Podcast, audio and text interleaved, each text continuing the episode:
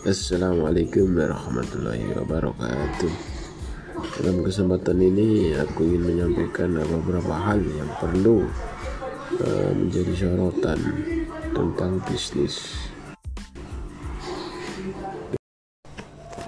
Baik, ya, kita ketemu lagi dengan saya dan saat ini aku lagi didampingi dengan putri kesayangan saya yang sangat cantik.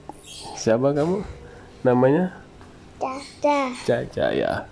Oke, uh, kita masih ngomong tentang bisnis ya.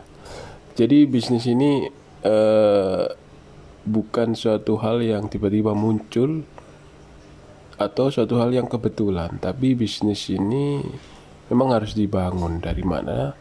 Ya sejak kecil. Makanya ini aku coba uh, ngomong bareng sama anak saya yang ya, saat ini masih berusia berapa kamu cah? 10 10 tahun ya 10 tahun.